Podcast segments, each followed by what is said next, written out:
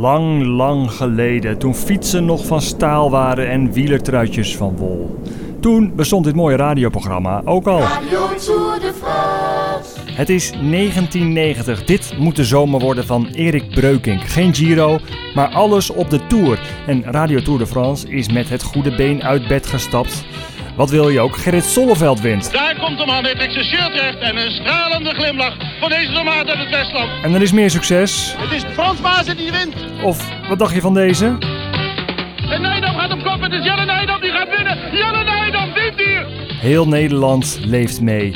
En steeds weer is daar die ene vraag. Erik, wat doe je? Sluit je aan? Ga je erop of erover? Erik Breukink, wat doe je op dit moment? Nee, we kunnen wel zeggen dat het lekker loopt deze Tour. Ab heeft goed nieuws! Dit is de zomer die je nooit meer zult vergeten. NOS, NOS Radio. Tour de France. Wacht, een zomer die je nooit meer zult vergeten? Nee, dat klopt. West-Duitsland is wereldkampioen! Laten we dat even met elkaar vaststellen. Eh, laten we wel zijn en laten we dat, vooral met z'n allen, de eerstkomende vier jaar niets wegwissen. Radio Tour de France.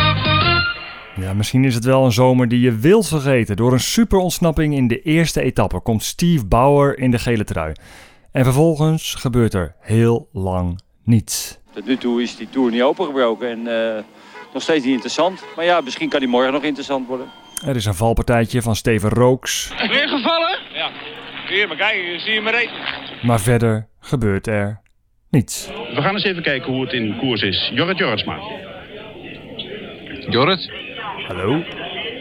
Nee, het is niet best. Het is niet best. Het is zelfs zo erg dat drie weken lang drie van de vier renners uit de kopgroep van de eerste etappe de gele trui aan elkaar overgeven. Drie weken lang. Alleen Frans Maassen komt niet aan de beurt.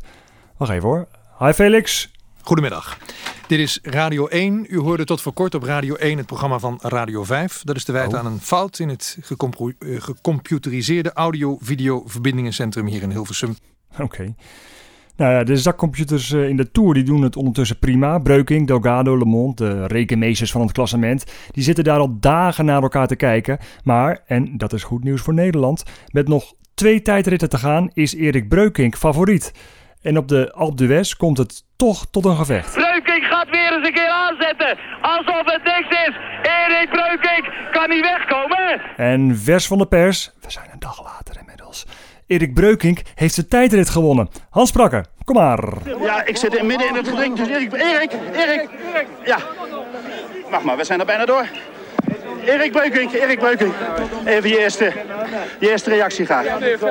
Ja, ik heb gewoon alles gegeven en het liep voortreffelijk, moet ik zeggen. Ici Radio Tour de France, le spectacle de la NOS. Met z'n allen gaan we richting de Pyreneeën en daar gaat het toch niet goed met Erik Breukink. Leo Driessen op de motor, eh, jij blijft wel bij hem? Ja, ik vind dat we dat eh, verplicht zijn aan eh, Erik Breukink om hem in ieder geval te begeleiden naar boven toe. Er was onze hoop op een eh, zege van eh, de Tour de France naar Jan Jans in 68 en Joop Zoetemelk in 1980. En vandaag moeten we waarschijnlijk inzien dat dat er niet in zit. Kijk, een Tour de France winnen, dat doe je niet zomaar. Tegen Allemand en Delgado. Die zijn nog even een stukje sterker als ik. Misschien moet ik nog even in de wachtkamer. Erik Breukink wint toch nog een tijdrit en wordt derde in het eindklassement. Pas op de laatste zaterdag neemt Greg LeMond de gele trui over van Claudio Chiappucci, die man uit de kopgroep van de eerste dag. Maar bij Radio Tour de France gaat het dan al lang over een heel ander kledingstuk.